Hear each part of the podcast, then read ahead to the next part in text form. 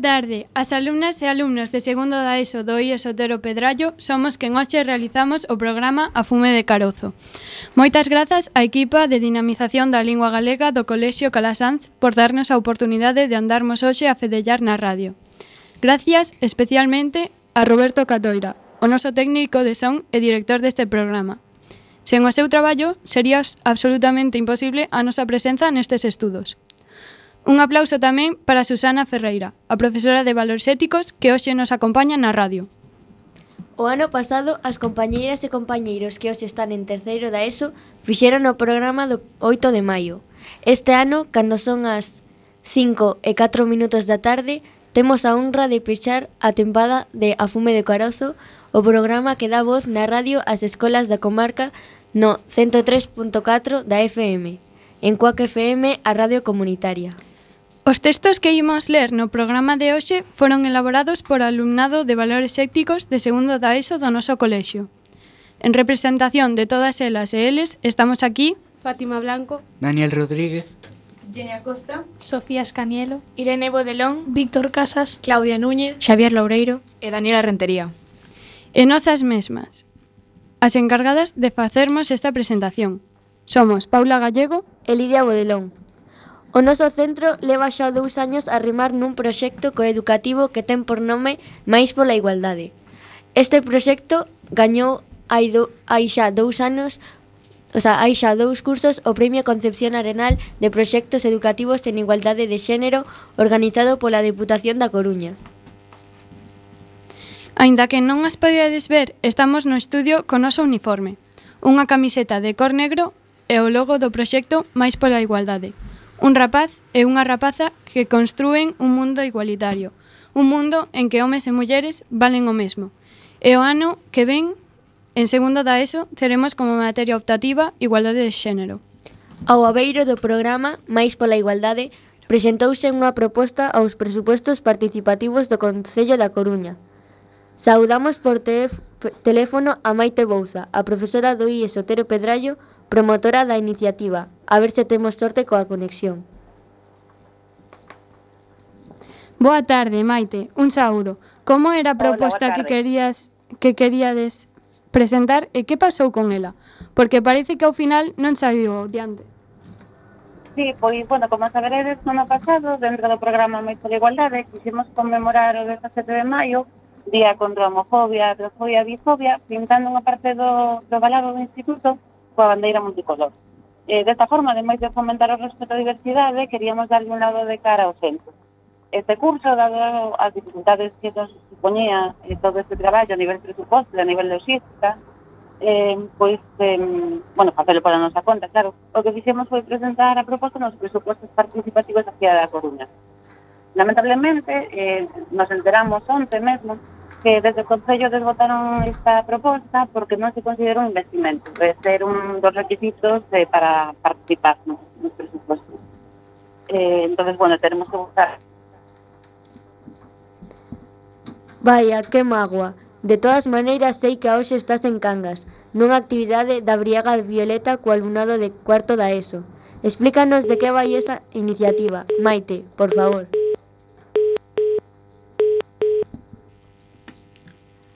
Parece que se cortou a conexión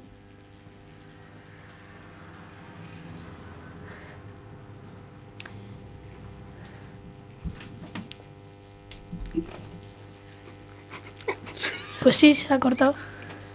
Bueno, pois a chamada cortouse, así que mm, seguiremos co, co programa.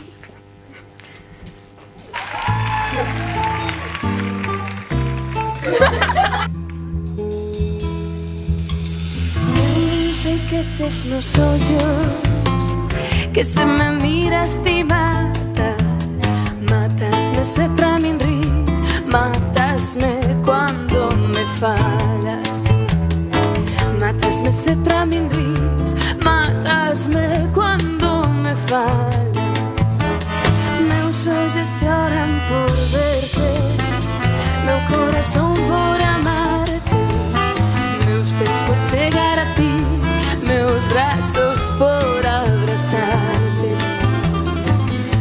es por chegar a ti, meus brazos por abrazarte.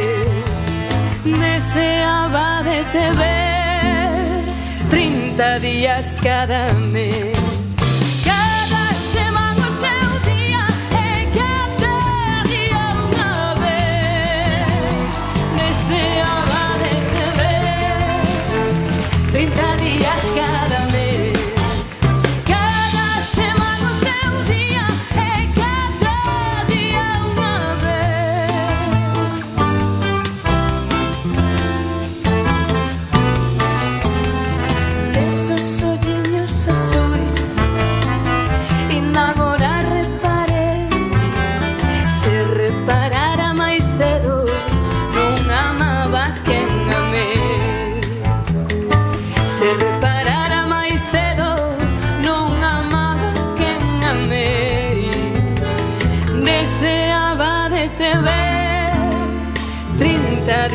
together.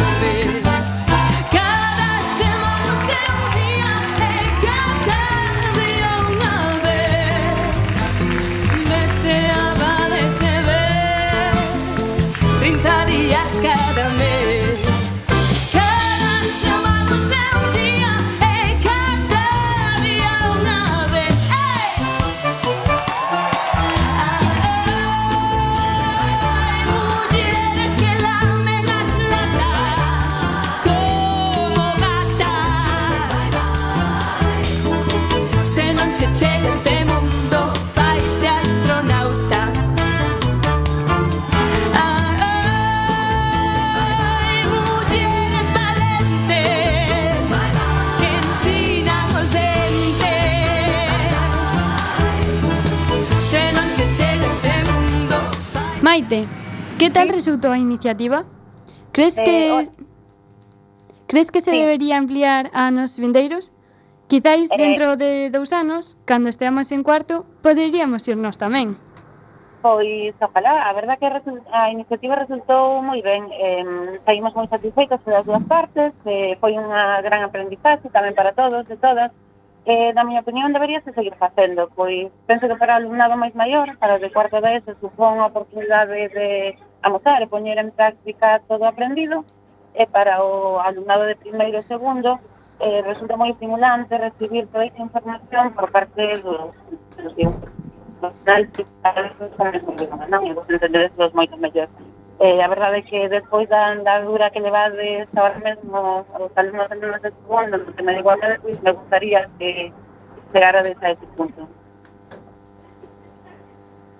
Maite, eh, podenos comentar que máis actividades se fixeron ao longo deste ano en máis pola igualdade?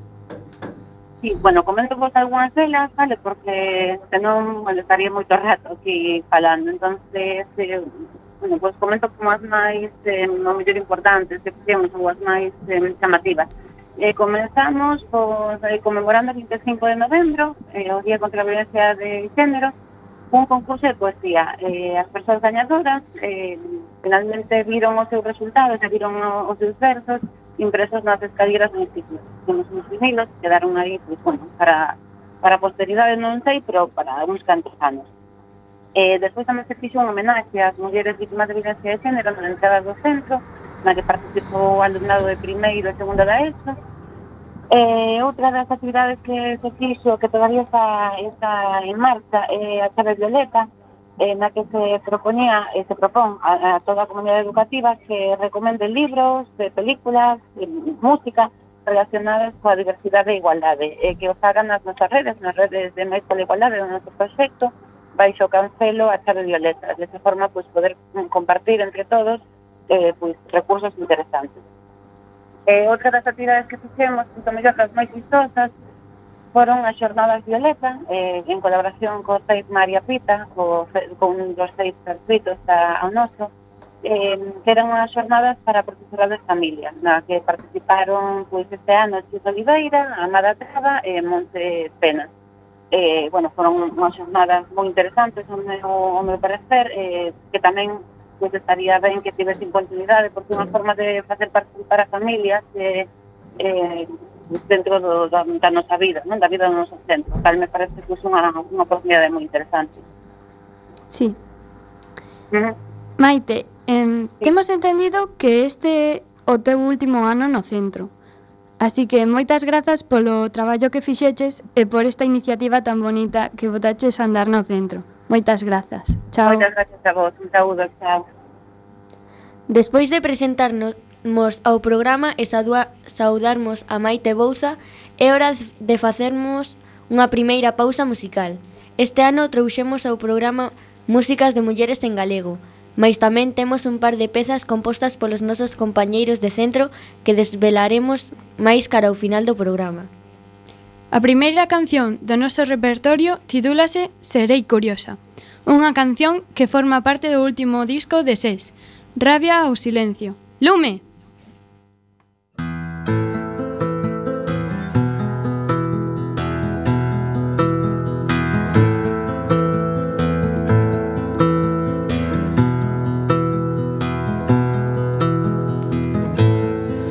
Nunha exacta foto do diario Señor ministro do destruir En pleno gozo, en plena euforia En plena risa o rostro aí.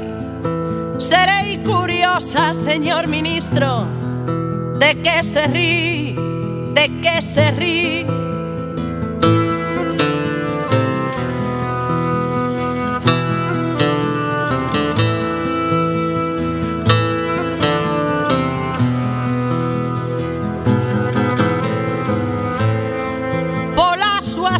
Mostras a praia vese Mais non hai vistas os barrios ruins.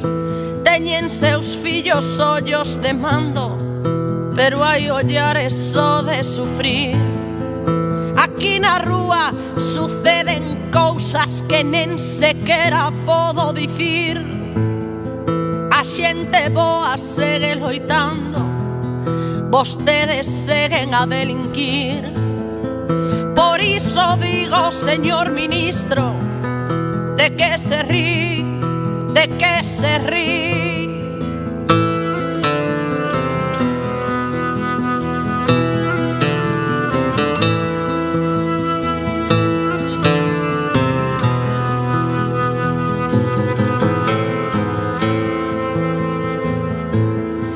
Ustedes saben perfectamente a lei amarga deste país. Son cruéis e duros ca nosa xente Porque con outros son tan servís Mentres traizoan o patrimonio O poderoso vanlle sorrir. Así enganan vostede outros Os arrastrados e os senís. Por iso diga o señor ministro ¿De que se ríe? ¿De que se ríe?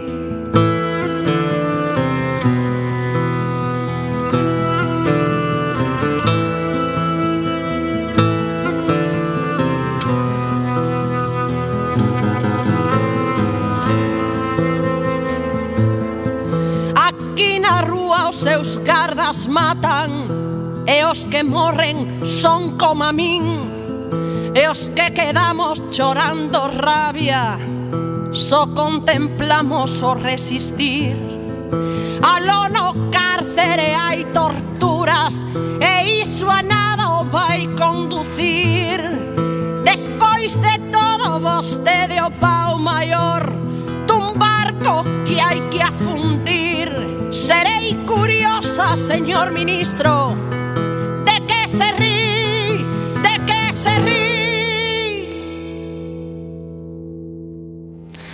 Como vai, Radio Intes? Está vos gustar o programa? Moito se leva falado nos últimos anos das dificultades das mulleres científicas. Hai ben tempo que son maioría nas universidades. Porén, se si pensamos en científicos reputados, seguro que non se, non se nos ocorrerán máis que varóns.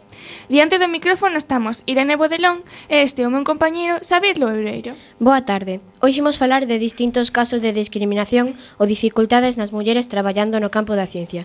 Empezaremos inhalando o caso de Hipatia de Alexandría. Hipatia de Alexandría viviu no século 4 e 5 despois de Cristo. Foi unha das primeiras mulleres en dedicarse á ciencia, polo menos que teñamos noticia. Hipatia era filla de Teón, un reputadísimo matemático da cidade de Alexandría. Hipatia colaborou con el desde moi nova na escola e na biblioteca que o seu pai tiña en Alexandría. E diz que moi asiña foi ela quen se encargou da escola. Nesa escola ensinábanse os saberes máis avanzados da época desde filosofía a astronomía, pasando por matemáticas ou física. Hipatia dedicouse a ciencias matemáticas nunha época na que as mulleres de familias ricas non adoitaban dedicarse ao estudo, senón o traballo no fogar. Hipatia adicouse especialmente ao traballo sobre figuras xeométricas e o estudio das parábolas e as formas elípticas e cónicas. Podería pensarse que, por vivir en tempos tan remotos, Hipatia tivo que sufrir máis que ningunha outra muller o machismo asociado ao desempeño de actividades científicas. Porén, a realidade é que moitas científicas moito máis recentes tamén sufriron unha forte discriminación. Trataremos agora de Sophie Germain, unha matemática autodidacta nacida en París pouco antes da Revolución Francesa. Precisamente para escapar ás convulsións que se producían na Francia do seu tempo, Sophie centrouse na ciencia e máis en concreto nas matemáticas. Para ela, as matemáticas daban sentido e tranquilidade á súa existencia. Sophie Germain carteábase con científicos moi relevantes do seu tempo, dos que trataba de aprender tanto como lle fose posible. Cruzou moitas cartas co famoso matemático alemán Carl Friedrich Gauss. Agora ben, Germain firmaba as súas cartas e artigos baixo o seudónimo de Señor Leblanc para que Gauss non supese que era unha muller. Cando Gauss foi advertido de que Sophie era unha muller, de primeiras sorprendeuse moitísimo, aínda que acabou por aceptalo e mesmo loitou para que a Universidade de Göttingen Unha das máis relevantes do seu tempo lle concedese un doutorado honoris causa. A universidade nunca se dignou a entregar tal distinción a unha muller, de maneira que a matemática francesa xa máis recibiu ningún título académico. Iso, a pesar dos seus traballos sobre aritmética de contribuir a solucionar algunhas das incógnitas do teorema de Fermat e dos seus estudios sobre a curvatura das superficies elásticas, para cuxa medición desenvolveu varias fórmulas matemáticas. Un caso máis coñecido foi o da científica polaca Marie Curie. Para poder dedicarse á ciencia, Marie tivo que abandonar Polonia e establecerse en Francia a finais do século XIX. Marie foi pioneira no cambio de no campo da radioactividade. Estudos polos que recibiu o Premio Nobel de Física en 1903 e o de Química en 1911. De feito, foi a primeira persoa en conseguir dous premios Nobel de distintas especialidades, como tamén foi a primeira muller en ocupar o posto de profesora na Universidade de París. Con todo primeiro dos premios recibiu en realidade o seu marido, o investigador Henry Becquerel. O mérito das súas investigacións apañou no principio o seu marido, mais o marido de Marie puxose rufo. Dixo que se non se lle atribuía o mérito a súa muller, non recollería o premio. Para evitar a polémica, a Academia dos Premios Nobel entrególlelo a ambos. Ben, agora o caso falar de Enriqueta Levitt, Enriqueta naceu en Lancaster, Massachusetts, Estados Unidos, en 1868. Graduouse aos 24 anos no que agora é a Universidade para Mulleres asoci asociada a Harvard. Inmediatamente despois, sufriu unha terrible enfermidade que lle provocou unha profunda sordeira. Cando se recuperou, comezou a traballar como voluntaria no observatorio do Harvard College. Ali, un grupo de mulleres chamadas literalmente calculadoras Realizaban tarefas relativamente mecánicas, como examinar meticulosamente placas fotográficas ou facer cálculos moi complicados. Dese traballo servíanse outros científicos varóns para desenvolveren as súas propias investigacións, marxinando as calculadoras de calquera recoñecemento. Tratábase dun traballo extremadamente duro. Sete horas de traballo, seis días a semana, por 25 centavos a hora, un salario que daba para poucas regalías. Todo o mérito do seu traballo sobre a luminosidade das estrelas levaron ao seu seus supervisores. Entre eles estaba o astrónomo Edwin Hubble, o que logo daría nome ao telescopio espacial. A seguinte muller científica da que falaremos é Nettie Stevens. Nettie destacaba no campo da xenética, no que traballou a principios do século XX. Foi ela a primeira persoa en describir e especificar as bases dos cromosomas X e Y, os que determinan o sexo nas especies animais. A pesar destes descubrimentos, Nettie traballou case sempre con escasos medios, grazas ás bolsas de investigación que apenas chegaban para financiar os seus estudios. Xusto cando por fin, preto dos 50 anos, estaba para acceder a unha cátedra nunha universidade que financiaría os seus novos descubrimentos no eido da xenética, Neti desenvolveu un cancro de mama que acabou por matala. Por último, falaremos doutra científica moi importante, Rosalind Franklin. Esta, científica, esta científica inglesa traballou no campo da química, seguindo as investigacións de Nettie Stevens e de outros científicos posteriores. Rosalind Franklin desenvolveu a teoría que levaría a comprensión da estrutura do ADN, as imaxes por difracción de rayos X que relevaron a, fo a forma de dobre hélice das moléculas de ADN son tamén da súa autoría. Rosalind morreu moi nova, cando aínda estaba completando as súas teorías sobre a estructura do ADN. Os científicos do laboratorio no que traballaba apropiáronse das súas investigacións e silenciaron o seu traballo. James Devil Watson, Francis Crick e Maurice Wilkins non podrían ter recibido o Premio Nobel de Química en 1963 se non fose polo seu traballo pioneiro. Imos agora con outra pausa para música que fala de mulleres. En Galiza tamén temos pioneiras, como Rosalía de Castro, que loitou por adicarse profesionalmente á escritura nun mundo de homes. Este tema de Uxía, Rosalina, Rosalín a pequeniña, é un homeaxe á poeta.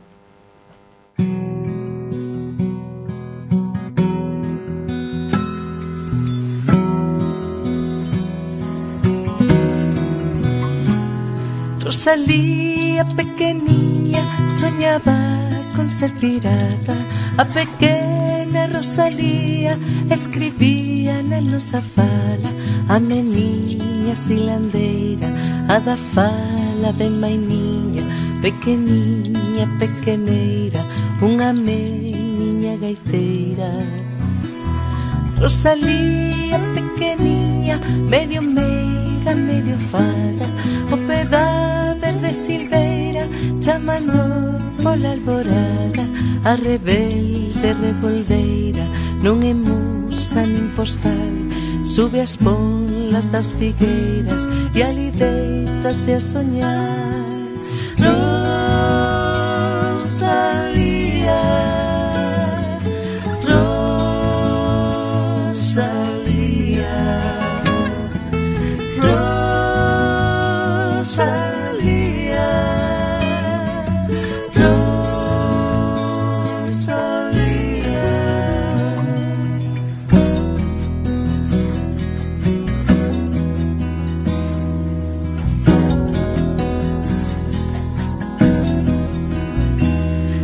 Rosalía pequeniña Vestida de moitas cores Que non canta nin as bombas Nin as delicadas flores. Rosalía, nena india Poeta dos nosos días Que pos non sentir do povo Badaladas de alegría.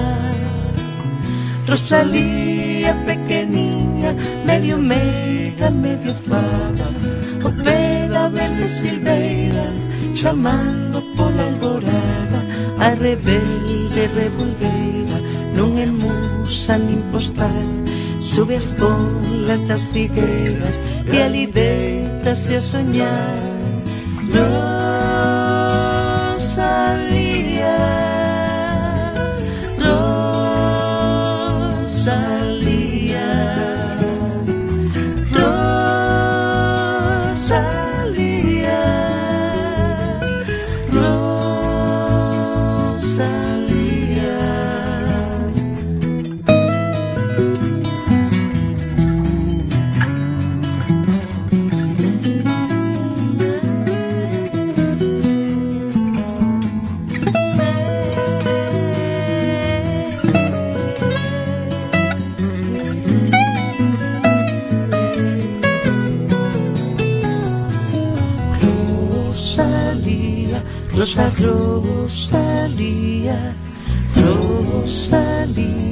nos rosa.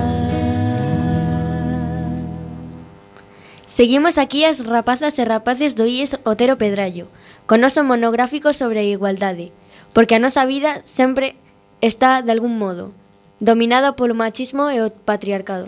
Diz que os nenos teñen que xogar con coches, as nenas xogan con bonecas ou xogan a ser en princesas. Os nenos van á escola para estudar. As nenas encárganse das tarefas domésticas. Os nenos teñen que ser fortes e as nenas sensibles. Todos son estereotipos de xénero que aparecen xa na infancia por mor da sociedade e que se poden volver presudiciais cando a persoa comeza a medrar. Na adolescencia, cando as persoas están construindo a súa identidade, os estereotipos marcan as amizades, as relacións e a vida en xeral. Iso é de que imos a falar hoxe, dos estereotipos de xénero na mocidade. Ao longo da historia, os estereotipos foronse transformando. Ao comenzo, na prehistoria, a muller encargábase da recolección, mentras que o home era o encargado da caza. Nas sociedades máis recentes, a muller era encargada do cuidado dos fillos e do fogar e o home de traballar e gañar dineiro. O conxunto de ideas que a nosa sociedade ten sobre como se espera que os homes e as mulleres vistan, comporten e presenten son os estereotipos. Como se deben comportar, vestir, actuar ou as características físicas que deben ter as persoas segundo o sexo que teñan asignado. Por exemplo, esperase que as mulleres se vistan de forma feminina e que sexan educadas, sensibles e maternais. A súa vez, esperase que os homes sexan fortes, agresivos e intrépidos. Cada sociedade e cultura teñen diferentes estereotipos de xénero, e estes varían moito entre un grupo e outro. Inclusive, poden cambiar co tempo dentro da mesma sociedade. Por exemplo, nos Estados Unidos, o rosa era considerado unha cor masculina e o celeste unha cor feminina. Existen catro tipos básicos de estereotipos de xénero. O primeiro refírese aos trazos de personalidade. Espérase que as mulleres sexan complacentes, honestas, comprensivas e emocionais, e que os homes sexan seguros, competitivos e agresivos. Así, por exemplo, os nenos poden arrotar sen que ninguén lles diga nada. Se o fai unha nena xa se ve como algo inadecuado. Se os nenos levan o pantalón un pouco caído e se lles ve a roupa interior non importa. Pero se a unha nena se lles ve un pouco a roupa interior, xa lle andan dicindo, vénseche as bragas, rapariga. O segundo ten que ver co comportamento doméstico. Algunhas persoas esperan que as mulleres se encarguen dos nenos, cociñen e limpian a casa mentras que os homes se encargan das finanzas, do coche e das reparacións. Non é raro que, que o pai traballe todo o día fora da casa, mentras as nais coidan da casa. Cando o pai e os fillos chegan á casa do traballo ou da escola, a nai fai a comida para que el poda comer sen esperar. O terceiro ten que ver co ámbito laboral. Moitas persoas asumen rapidamente que as que se ocupan da limpeza, da docencia nos cursos máis baixos ou da enfermería son mulleres, mentres que os que se adican á medicina, á enxeñaría ou a pilotar naves son os homes. Se buscas en Google traballos para mulleres, aparecen as tarefas do fogar, as limpadoras ou cuidado de persoas maiores. Hai máis doutores que doutoras e máis enfermeiras que enfermeiros. A última clase de estereotipos son os que teñen que ver coa imaxe persoal. As mulleres teñen que ser delgadas e elegantes, mesmo lánguidas e submisas, mentras que se espera dos homes seren altos e musculosos. Tamén se espera que os homes e as mulleres se vistan de forma estereotipada segundo o seu xénero. Os homes con pantalón e pelo curto, as mulleres con vestidos, tacóns e cargadas de maquillaxe. Nestas datas en que se, en que se aproxima o verán, Moitas mulleres andarán a facer exercicio e dietas para adelgazaren e verse guapas. Na sociedade actual, moitas son as mulleres que tratan de romper con estes vellos estereotipos. Procuran un traballo máis alá do núcleo familiar. A razón son moitas. Liberdade, independencia económica, valorización individual, motivación, recupero dunha carreira ou actividade postergada, etc. No ámbito do traballo, os estereotipos din que as mulleres fan mellores traballos minuciosos e rutineiros, e que non teñen a mesma utilidade e capacidade que os homes para dirixir un equipo de traballo. Isto fai que moitas mulleres teñan dificultade para progresaren nas súas empresas e o famoso teito de vidrio con que elas se atopan cando buscan mellorar a súa carreira profesional. Tampouco hai problema ningún porque se queden ao cargo do fogar, mas esta é unha tarefa que non se valora como se debera. Para administrar correctamente a casa requírense coñecementos financeiros a disciplina do cumprimento dos horarios, de educación, de tolerancia, de paixón, etc. O problema é que a sociedade non valora esta gran tarefa, xa que asume que ser madre é o cuidado do fogar é prácticamente unha obriga da muller adquirida polo mero feito de selo, e que esta tarefa non é recompensada como calquera outra actividade. Como xa dixemos, a imaxe do home construíse sobre a idea do dominio e a agresividade. Os homes son independentes, racionais, Non se deixan levar polas emocións, como seica pasa coas mulleres. Agresivos, insensibles, competitivos, fortes, seguros de si sí mesmos, etc. etcétera. Estes estereotipos márcanse xa na infancia e na adolescencia. A concepción estereotipada que ten os adolescentes sobre o que é masculino ou feminino percíbese claramente nos seus perfiles sociais. Eles empreganas para falar coa súa parella, para xogar a videoxogos ou para ligar, entre outras cousas. Elas, en cambio, para buscar información xeral, expresar sentimentos ou subir fotografías persoais, ás veces con carga erótica ou sexual. Tamén existen diferentes en canto ás imaxes de perfil e as redes sociais que máis frecuentan. Os rapaces identifícanse con imaxes de personaxes coñecidos ou de videoxogos, obxetos relacionados co deporte, especialmente o fútbol ou o motor. As rapazas elixen fotografías de corte romántico, xa sexan persoais relativas á familia, á natureza ou a paisaxes. Toca facernos agora unha pausa para unha nova peza musical. Como xa vos dixemos, as músicas de hoxe son de muxeres galegas. Xa queda menos tamén para que desvelemos as pezas musicais dos nosos compañeiros. Farémolo a altura das 6 menos 20. Agora é a quenda de Marful, co seu paso dobre universal. Dentro!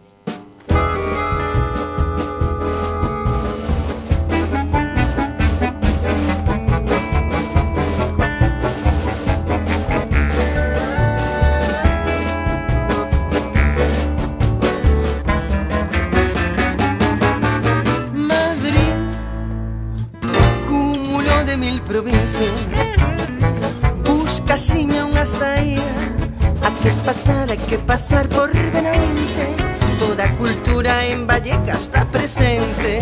Lisboa fica, muller xogar xo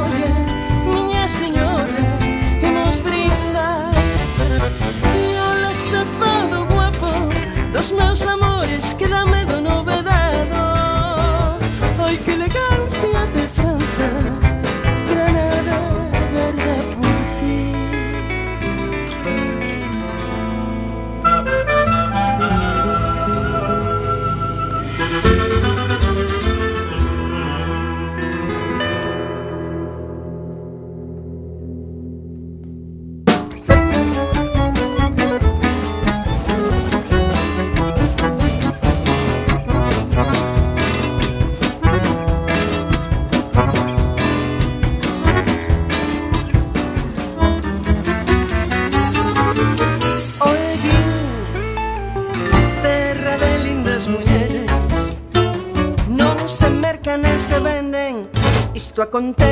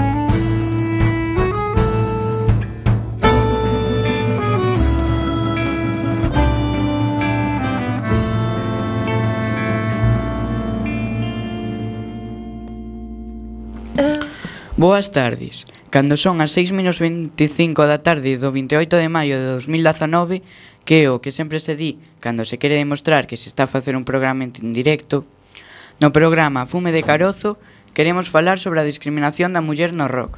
Está a falar Daniel Rodríguez e vel aquí a miña compañeira Sofía Escanielo. Ben, Pois se antes falamos de mulleres no ámbito da ciencia, falaremos agora doutro campo onde as mulleres están tamén invisibilizadas. Trátase do mundo do rock. As bandas de rock están case sempre compostas por enteiro de homes, e poucas son as mulleres famosas neste campo. As mulleres xa estaban no mundo da música en xéneros como jazz ou o soul, pero tardaron un pouco en incorporarse ao rock.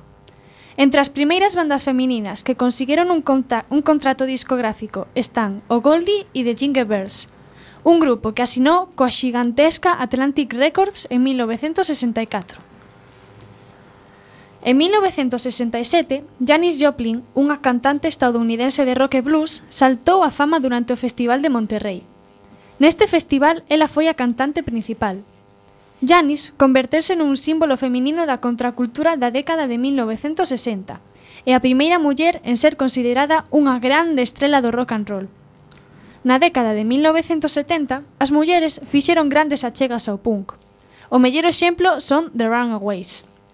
Este grupo composto de cinco mulleres sacou en 1976 baixo o mesmo nome do grupo. A guitarra e a voz estaba Joan Jett, que se convertería na inspiración dos grupos de mulleres dos anos 80 e 90. Xéneros como heavy metal e o hard rock estaban dominados principalmente por homes, e o estilo anar anárquico do punk fixo que as mulleres poideran participar no mesmo. Era o bonito do punk, afirmou anos máis tarde Chrissy Hind, a líder de The Pretenders. A discriminación sexual non existía nese xénero. As mulleres tiveron moitos obstáculos no mundo do rock. Moitas artistas teñen declarado que os productores ou o propio público despreciaba o talento feminino. Con todo, en 1982, o disco de The Beauty and the Beats do grupo feminino The Go-Go's converteuse no primeiro disco dun grupo completamente feminino, en estar durante varias semanas na primeira posición das listas de éxitos mundiais. Hai pouco entrevistaban na Voz de Galicia a varias rapazas galegas que tocan en diferentes grupos de rock. Ver unha muller tocando nun grupo de rock aínda hoxe chama moito a atención. O público sende estan, segue estando cheo de prexuicios. Diz que cando tocas a batería e todo o mundo queda coa, olla, coa cella a ver, eh, levantada. Di Violeta Mosquera, que forma xunto con Ángela Baltar o grupo Bala. Violeta sinala que cando alguén lle quere dicir o ben que toca a batería, dille sempre que toca como se fose un rapaz. Violeta conta, a min resultoume moi difícil ser batería.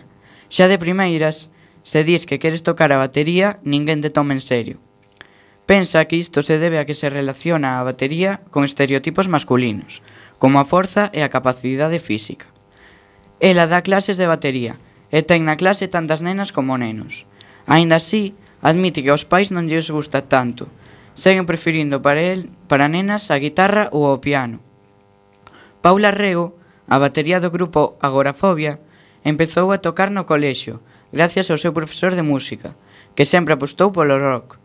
Pero din que na súa casa ir a clases era complicado, xa que os seus pais eran deses que preferían a guitarra ou o piano, algo máis feminino. A pesar das dificultades, ambas animan a nenas e mulleres a tocar este instrumento. Na súa opinión, é superdivertido e apréndelle a xente a traballar en grupo. Desde o noso programa, queremos animarmos a tocar calquer instrumento e a promover o rock entre as mulleres. E, como non, imos agora cunha canción de bala, un dúo composto por dúas rapazas coruñesas, que pegan moi forte. Baixade o volume da vosa radio porque esta canción titúlase Vitamina.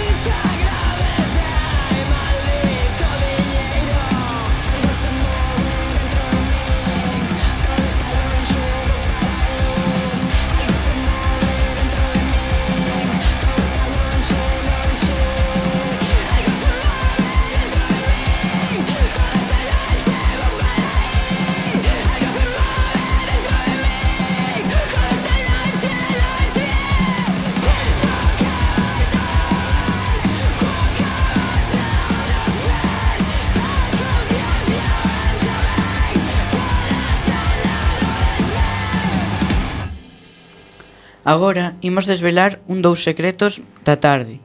Esta canción feminista, creada por Antón Villar e Maiseu, chamase Non e Non, e agardo que vos guste.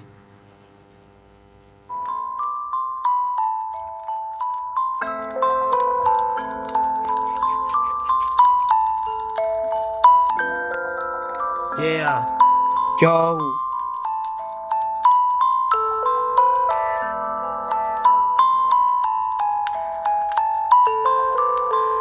Non é non en calquera linguaxe Non é non en calquera imaxe.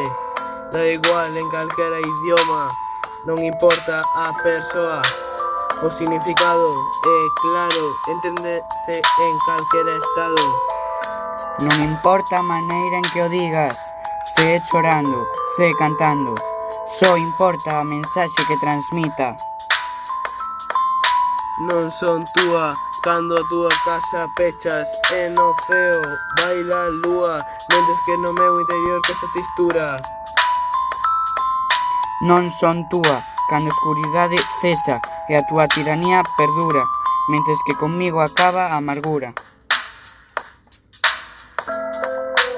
Xa non son túa Acabáronse as esperas Xa non vou na túa procura Nunca volverei pasar da desventura Yeah Chou! Antón y Daniel 2019 Son Víctor Casas, alumno do IES Otero Pedrallo e teño un canal en YouTube chamado DWCG, onde subo música que fago. Non canto, nin rapeo, pero fago instrumentais de moitos xéneros de música. Trap, reggaetón, big room, progressive house, dubstep. Nesta ocasión fixen unha canción de trap. O trap é un subxénero do hip hop inventado en Estados Unidos na década dos 90. Os seus versos tratan da rúa, da delincuencia, das drogas e do sexo. Este xénero comezou sendo cantado por narcotraficantes, pero agora calquera ponse diante dun micro e di que é narcotraficante con moitísimo autotune e metáforas sobre sexo. Kitkeo, dracuqueo. Kitkeo, lollipop. Lil Pump I Love It, Lil Pump Esquere, 6ix9ine Fifi, 6ix9ine Gomo. Son exemplos de cancións de trap machistas que se poden escoitar na radio, nas discotecas, nos pubs e nos concertos. Estas poñen a muller como un obxeto sexual ou como unha pertenza. Por iso, fixen unha canción feminista dende o punto de vista dunha anciá lendo o seu diario para concienciar a xente sobre este tema e intentar que este tipo de cancións deixen de ser tan famosas e que este xénero cambie un pouco. Esta é unha das primeiras cancións nas que participo, como rapeiro e como produtor das bases rítmicas a vez. En resumo, a canción dende a, dende a música até a letra é toda feita por min. Espero que vos guste, que vos suscribades ao meu canal e que compredes meu disco feminista en iTunes ou Google Play Music. O mundo va moi malo. De verdade. Eh. Oxale que algún día todo isto cambie. Hey. DDPCJ. Debes DJ. Canción feminista. Todas as mulleres e os homes mans arriba. hoxe, agora voume defender. Todos pensaban que eu era torta. O meu ollo lila non foi cunha porta. O que teño no ollo é un xesto Un xesto machista, non coma o resto. Son unha muller de idade avanzada. Soportei o meu home coa súa man alzada. Son feminista e non das modernas e odian os homes, non son verdadeiras.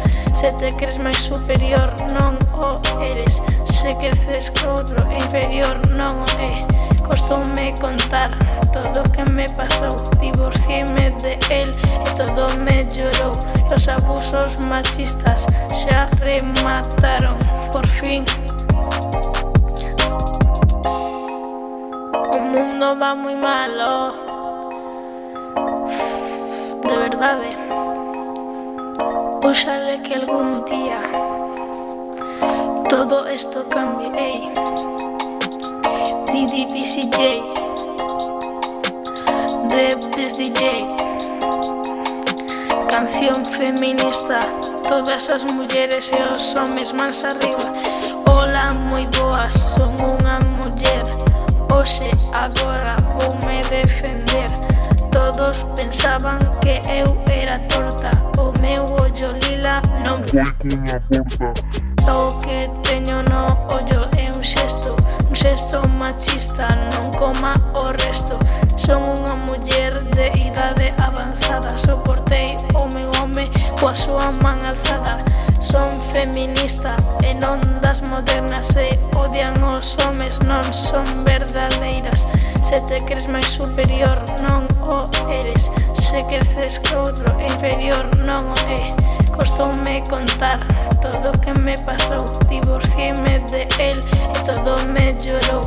Os abusos machistas xa remataron. Por fin remataronme a min non as demais, se lles faz dano a elas, non eres un máis.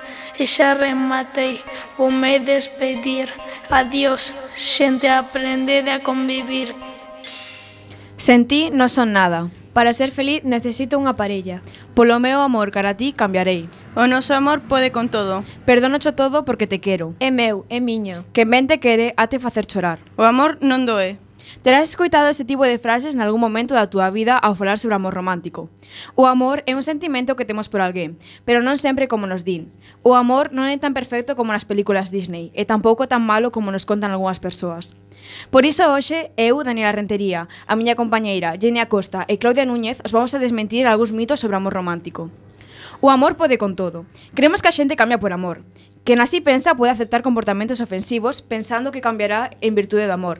Estas persoas dan por sentado que amor é quen de superar todos os, os obstáculos nunha relación e que, de soamente por amar, xa se van a solucionar todos os problemas.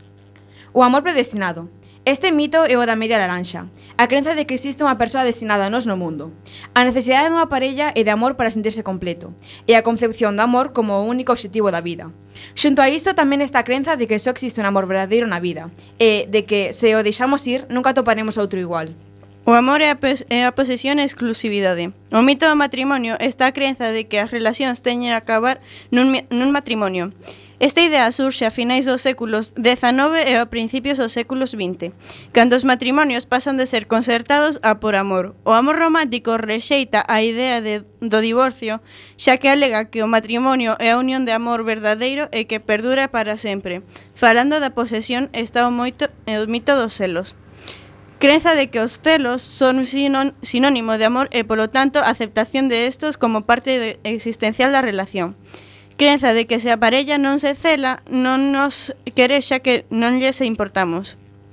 Unha das preguntas que tamén se xeran normalmente é A quen lle afecta o amor romántico? A resposta a isto é pouco obvia. O amor romántico pode afectarlle a todo o mundo. É unha idea que se instaurou na sociedade e agora está tendo repercusións en persoas de, das, de todas as idades. Ainda así, existe un principal preocupación pola mentalidade romántica dos adolescentes. Expertos neste tema opinión que, de non cambiar esta situación nun futuro próximo, os índices de violencia de xénero aumentarán notablemente. O amor romántico ten unha gran relación coa violencia de xénero e con machismo, xa que inferioriza a figura da muller e fainos pensar que esta debe someterse aos gustos dos homes só por amor. Anteriormente falamos de que o amor non é como nos pintan as películas de Disney. Se analizamos algunhas escenas de estas películas, repararemos en que, dende pequenos, as películas métenos ideas erróneas na cabeza. O cine é en boa parte, é, bo, é en boa parte responsable da difusión dos mitos do amor romántico.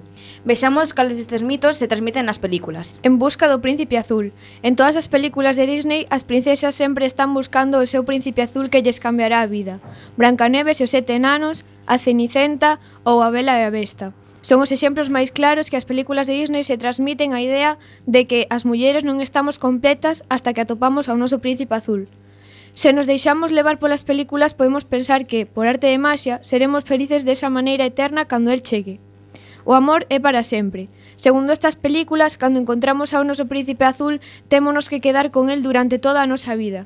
Non haberá nunca ninguén a que podamos querer desa maneira. Dase a entender que nunca nos fixaremos en ningunha persoa que non sexa el ou ela. Un de tantos exemplos é Aladín, que coñece a Yasmín e resulta que é a primeira vez que enamoran de alguén, pero ambos están 100% seguros de que, se na, de que estarán xuntos sempre e serán para sempre felices con ese primeiro amor. Ollo, non quero dicir que non haxa xente que non se encontrara ao seu primeiro amor e ficara xunto del ou dela para sempre. Soamente que debemos pensar que a primeira persoa que te encontras na túa vida non ten por que ser a persoa indicada. Cero sororidade. As, os principais enemigos das princesas máis coñecidas de Disney son, principalmente, mulleres. Maléfica e Aurora, a Raíña Malvada e Brancaneves, Úrsula e Ariel. Estas mulleres malignas son sempre as culpables de todos os males desas princesas, polo simple feito de seren boas e fermosas. Quero dicir, a idea que nos transmiten é que dúas mulleres non poden ser amigas e que pelexarán sempre por seren a, a máis fermosa do lugar. Amor a primeira vista. En todas as películas de Disney sempre existiu o amor a primeira vista. Non dicimos que isto non poda correr, senón o que pasa é unha conexión a primeira vista, o que popularmente denominamos como frechazo. En troque o amor é o resultado de coñecer a outro, comprender os seus gustos e personalidade e facer o que é posible por a relación funcione para a, para a satisfacción de ambos. O príncipe non sempre se casa coa princesa. O amor non en todas as ocasións pode superar todos os obstáculos que pasen pola túa vida. Tampouco é frecuente que o teu amor comece cando tropezas nas escaleiras coa persoa da túa vida e comezar un romance idílico despois de que te axuda a recoller os papéis que se che caeron ao chan no corredor do instituto. Non digo que non existan romances de película, e tampouco nego que en ocasións a realidade supera a ficción, pero nin o amor debe ser o centro dunha vida, nin tampouco a necesidade de vivir romances como os das películas. Ben, e despedimos aquí o programa de hoxe, a última emisión de Afume de Carozo da tempada. Esperamos que este programa vos, vos gustase como todos os que nos precederon. Esperamos tamén que entre todas e todos teñamos avanzado un chisco máis, un ano máis cara a sociedade igualitaria. Na locución deste programa, con textos do alumnado do segundo da ESO do IES Otero Pedrallo da Coruña, estivemos Fátima Blanco, Lidia Bodelón, Paula Gallego, Daniel Rodríguez, Jenny Acosta, Irene Bodelón, Víctor Casas, Claudia Núñez, Xavier Loureiro, Daniela Rentería e Maiseu, Sofía Escanielo. Boa tarde, Galicia.